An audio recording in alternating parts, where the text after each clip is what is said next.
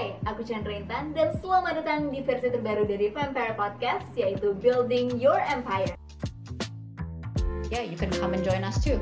Did you know that? Fun fact. So I have no idea. So, kalau untuk major yang yang andalannya Regents, Regents, Regents, Regents, Regents. Regents. So, iya di university kamu di Regents itu yang paling bagus apa aja sih majornya? Uh, to be honest, they have a really like huge. They have a wide Hmm. variety of like majors, right? Um, tapi kayaknya mereka bisnisnya juga bagus. Uh, apa bidang komunikasinya juga bagus. Makanya aku juga ambil media and communications kan. And I like feel like that major is also good for me in my work, my workflow here. Like ada relasinya lah, ya kan? True. Jadi jadi ya belajar banyak juga sih tentang the media industry. Interesting. Iya. Ada jalur apa aja sih kalau kita mau daftar ke universitas kamu?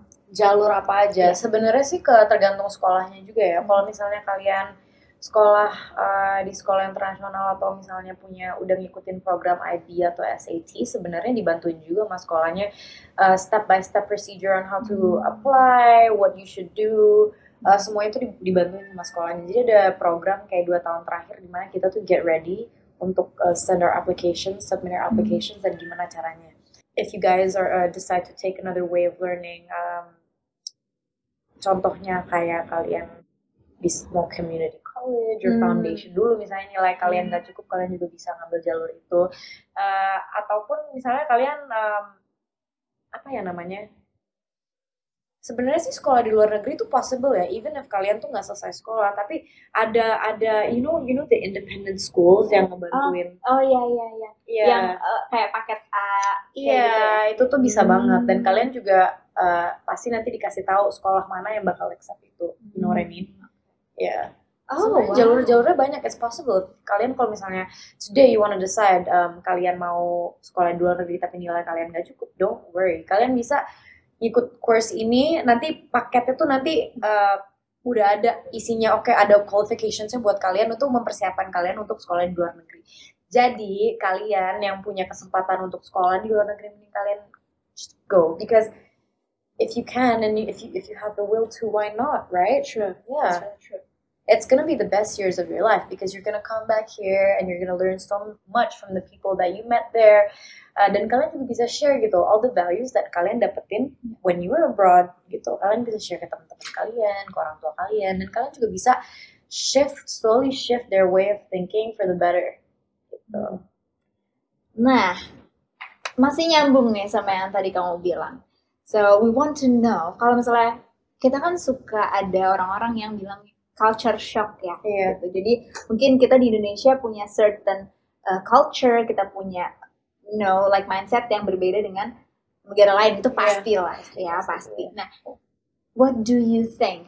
Like your top three uh, mindset yang harus kita persiapkan nih sebelum kita tuh berangkat ke luar negeri uh, untuk So, belajar. orang luar negeri tuh they're very they're very open right And they're very open and outspoken tapi buat orang yang seperti aku aku udah udah bisa menerimakan itu. Jadi tapi ada banyak orang juga yang nggak siap menerima itu.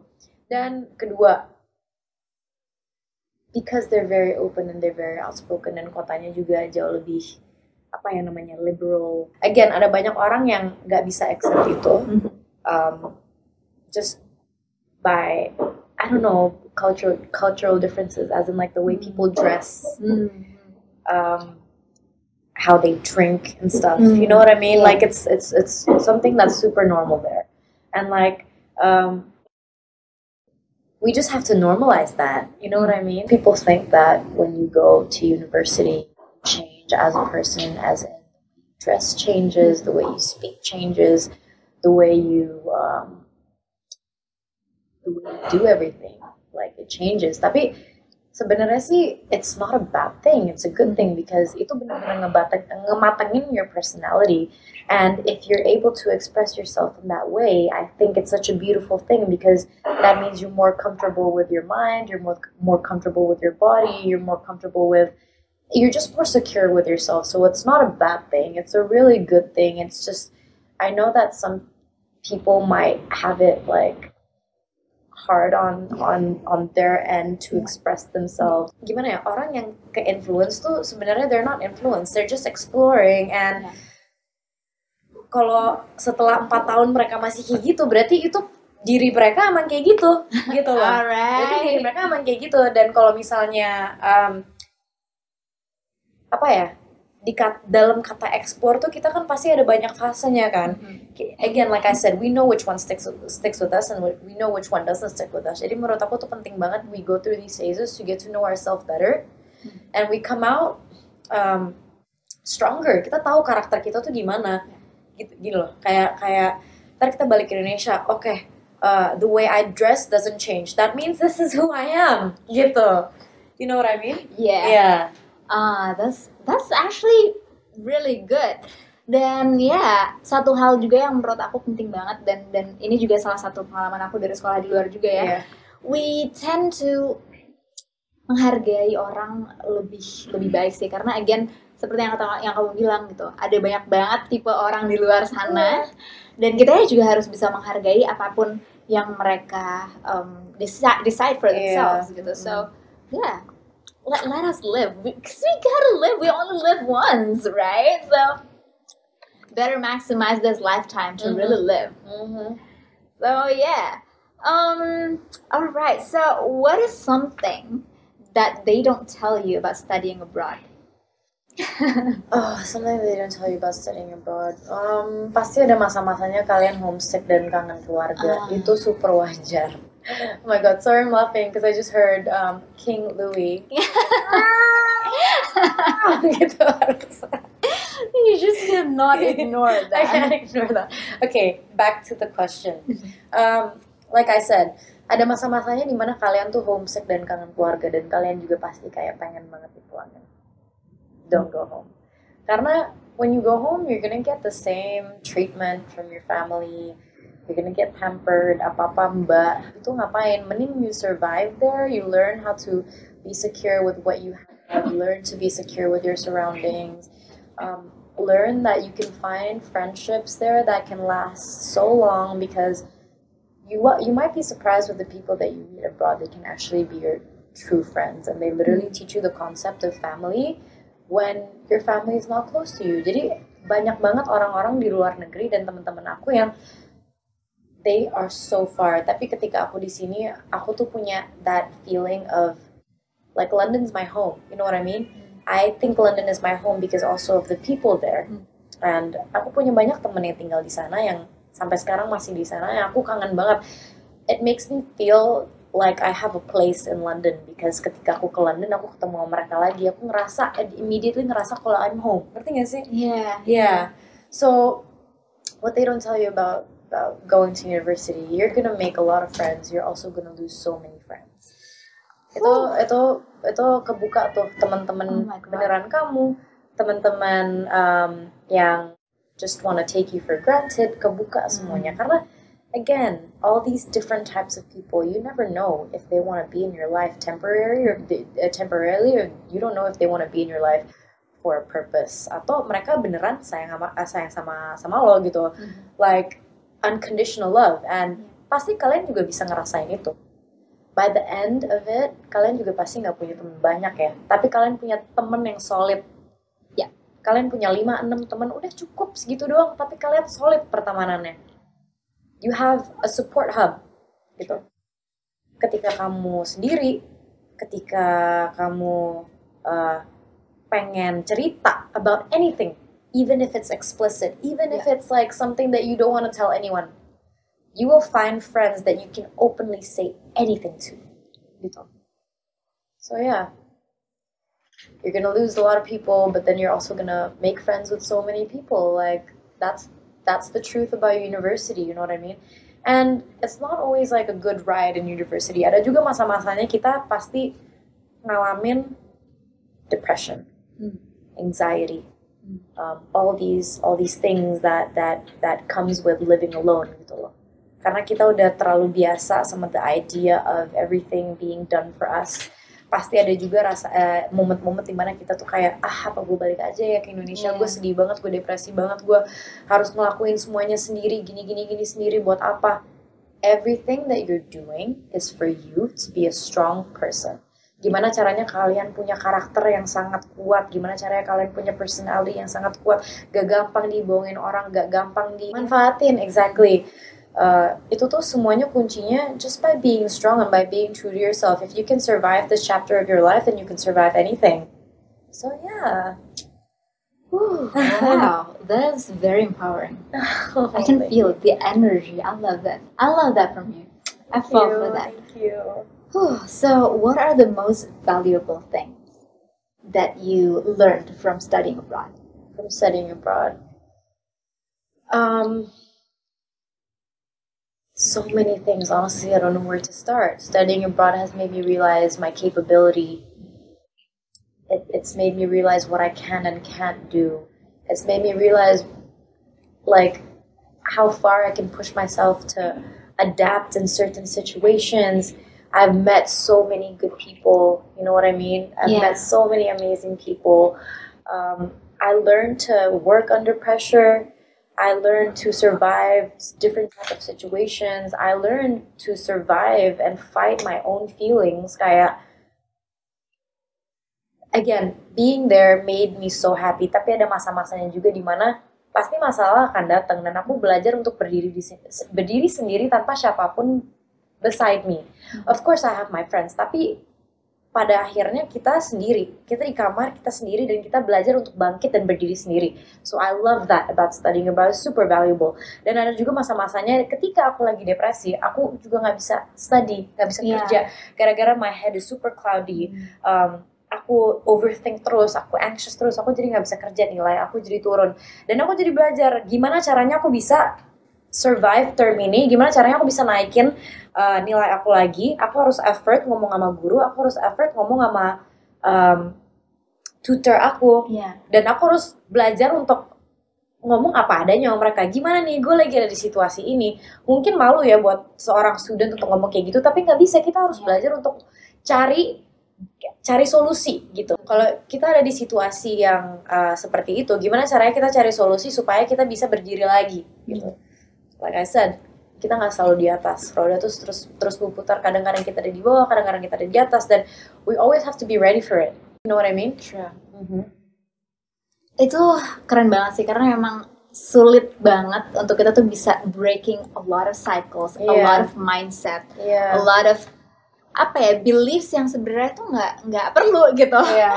Kayak udah saatnya kita tuh untuk meninggalkan belief-belief tersebut dan dan banyak banget orang yang again insecure dia nggak percaya dengan Yes, diri sendiri. So I yes. think yeah being alone alone di tempat yang asing yang kita nggak ada siapa-siapa that will really train us. Kayak mau nggak mau udah harus terlatih untuk bisa oke gue harus percaya sama diri gue sendiri dan kita benar-benar percaya kalau kita bisa.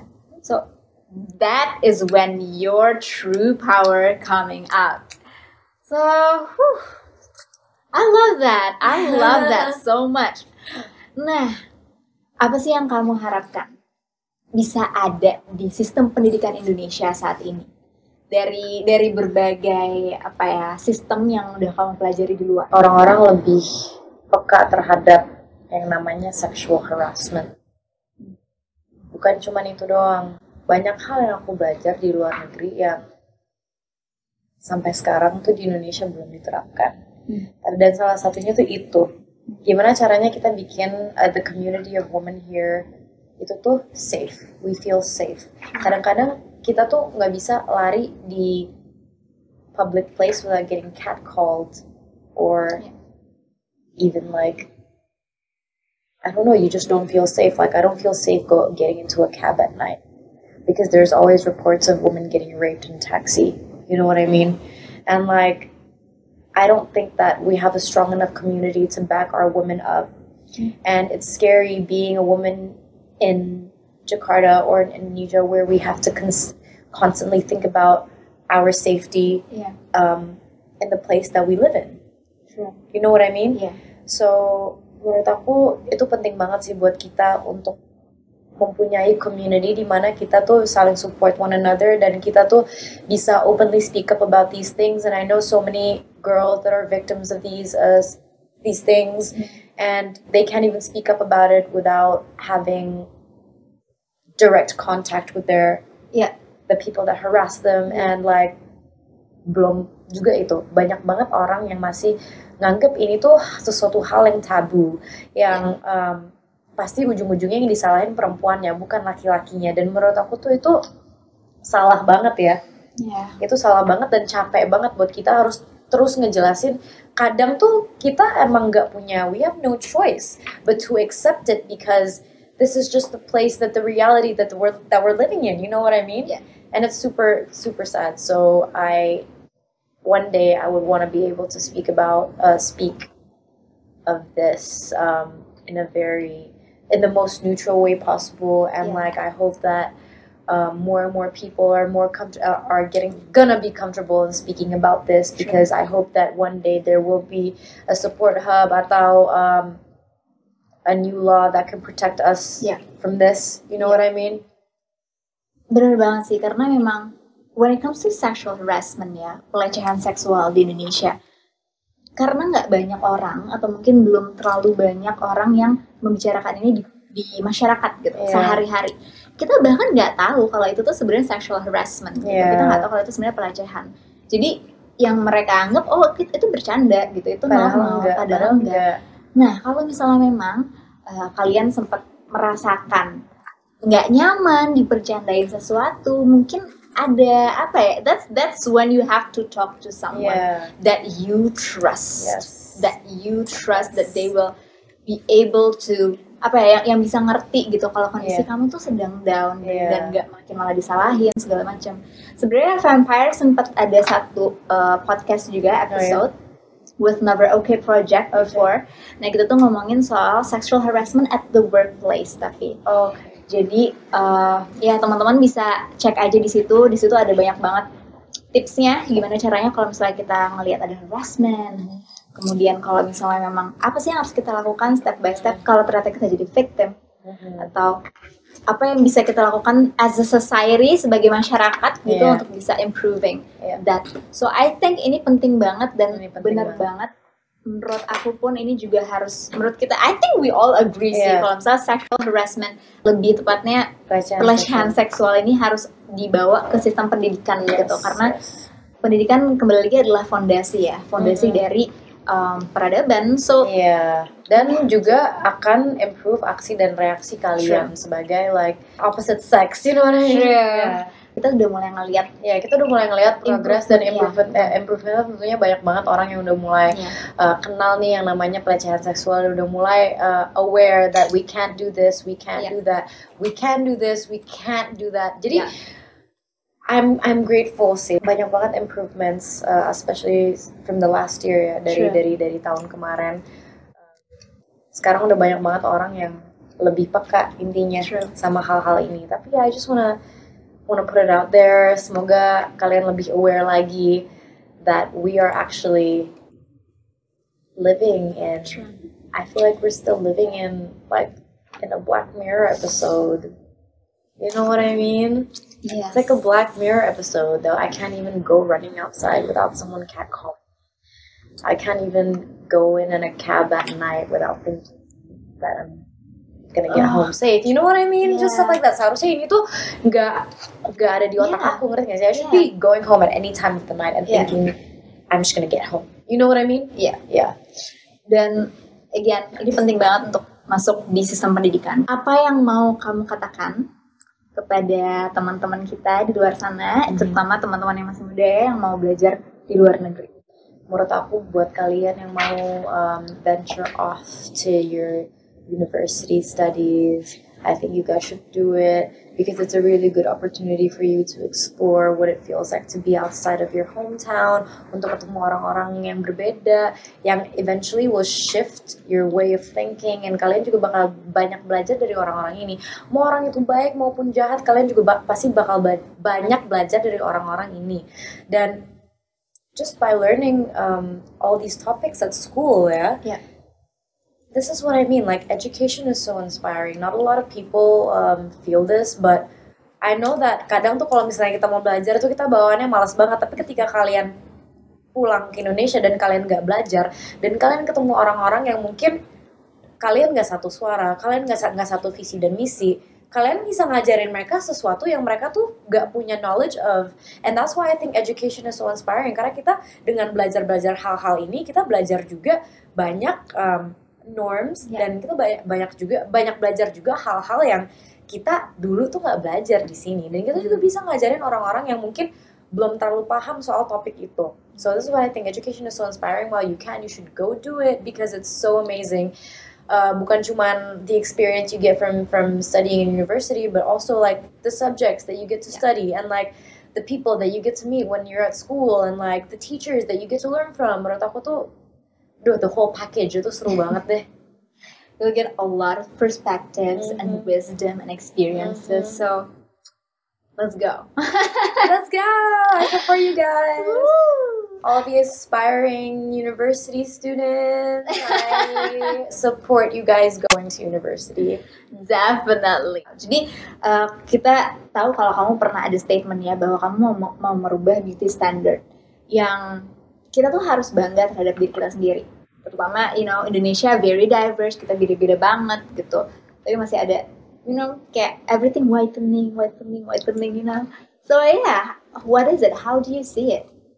To be honest, like kita tuh orang Indonesia kita harus bangga banget sama kulit eksotis kita karena ketika ke luar negeri semua orang tuh coba untuk mereka berjam-jam di bawah matahari cuman buat achieve that skin tone. Sementara kita tuh udah we're blessed with such amazing skin. Dan aku tuh nggak tahu kenapa ya I don't understand why Indonesia itu selalu pro whitening Hmm. menurut aku itu salah banget. Karena I think a lot of people don't realize that so many people try so hard to achieve the exoticness, including myself. including myself, kayak aku tuh uh, gila cepet banget ya putihnya, makanya dikit-dikit ke Bali, dikit-dikit ke Bali. Like I'm jealous with people with exotic skin. Like I really don't like the fact that people have to promote whitening all the time. Karena pertama itu juga nggak terlalu sehat ya. Kadang-kadang they go to doctors with thick putih ini itu. Dan they have to go through so much just to achieve that. And itu juga health benefitsnya gak bagus buat mereka. So why don't we just embrace it? Embrace our true like our true self. Like be happy that you're Indonesian and you're all beautiful. Like you guys need to realize that menurut aku whitening tuh nggak banget ya Oh, okay. maksudnya kayak the concept of like promoting whitening itself like it just teaches people to be insecure about your skin color about where you're come where you come from your roots your your your cultural Yeah. um apa namanya your cultural roots your Yeah. heritage orang-orang tuh jadi mempertanyakan diri mereka kenapa sih gue kulitnya warnanya ini aduh gue harus ngapain ya biar kulit gue putih sebenarnya there's nothing wrong with them gitu loh there's nothing wrong with them orang-orang tuh jadi kurang percaya diri Yeah. dan mereka jadi bingung jadi uh, konsepnya tuh jadi jadi jadi the concept of being your true self jadi Yeah. jadi it's gone and I don't Sure. like that you know what I mean Yeah. they live they live with this idea in their heads that they have to look a certain way they have to be a certain way sebenarnya mereka nggak lihat kalau mereka tuh udah sempurna gitu Yes. gitu That's really right. iya Karena kembali lagi seperti yang kamu tadi bilang, standar yang tadi dibuat sama masyarakat itu societal construction Yeah. itu memang dibuat gitu sama masyarakat. Again, sayangnya ada uh, apa ya ya, ya itu tujuannya beda-beda ya. Mereka tuh membuat sebuah uh, konstruksi bahwa kita tuh sebenarnya harus ngikutin standar ini loh untuk jadi cantik. Padahal kayak ya sebenarnya karena itu itu bukan bukan Tuhan yang ngomong kayak gitu. So bener Tuhan banget. bilang kamu ya kulit kamu kuning katakanlah kulit, kulit kamu masal Yeah. mateng, kulit kamu coklat tua. Well that's what God says. Yeah, And- sometimes even they stereotype you, like they Yeah. stereotype you with the way you look. Kayak Yeah. misalnya peran antagonis harus kayak gini, harus kayak gini, harus kayak gini, harus kayak gini. Protagonis harus kayak gini, kayak gini, kayak gini, kayak gini. One of the one of the uh, criteria is you need to have white skin, you need to have black hair, and stuff like that. You know what I mean? Like it's Ah. just a typical goody two shoe look. You know what I mean? Yeah. Like, and I don't like that. Hopefully we're gonna see that like gone. Hopefully. So ya, ini juga berarti sebuah kritik untuk dunia perfilman ya. Mhm. Whew, that's yeah, I love that. I love that. I love this girl. We love this girl. so, um, kamu kamu ada pengalaman pribadi nggak sih bahwa kayak you know why because we feel like this resonates so much from you Yes. gitu you're like very passionate talking about this issue kamu pernah ada ini nggak sih sebenarnya pengalaman pribadi yang membuat kamu tuh kayak oh my god this has to change Yang mana? Yang yang soal beauty standards eh, pengalaman pribadi Mm-mm. sih banyak ya. Maksudnya kayak people look at me and they think that um, because of my sharp, the sharpness of my face, the color of my hair, the way my eyebrows are angled, that aku tuh lebih cocok jadi antagonis. Ngerti gak sih? ah oke Sebenarnya sih enggak ya. Maksudnya kayak, why would you have to dictate my capability just by the way I look? True You know what I mean? oh my god that's mind blowing Yeah, that's mind blowing yeah. oh Yeah. wow Ooh, okay another critique for the filming industry yeah. But yeah, whew. so we have reached our end of our podcast. Thank you so much for inviting me. Oh this has God. been an, such an amazing time. Thank you so much. We learn a lot dan aku juga yakin bahwa teman-teman di rumah juga udah belajar banyak banget dari Val. So yeah, I think it was very heartwarming.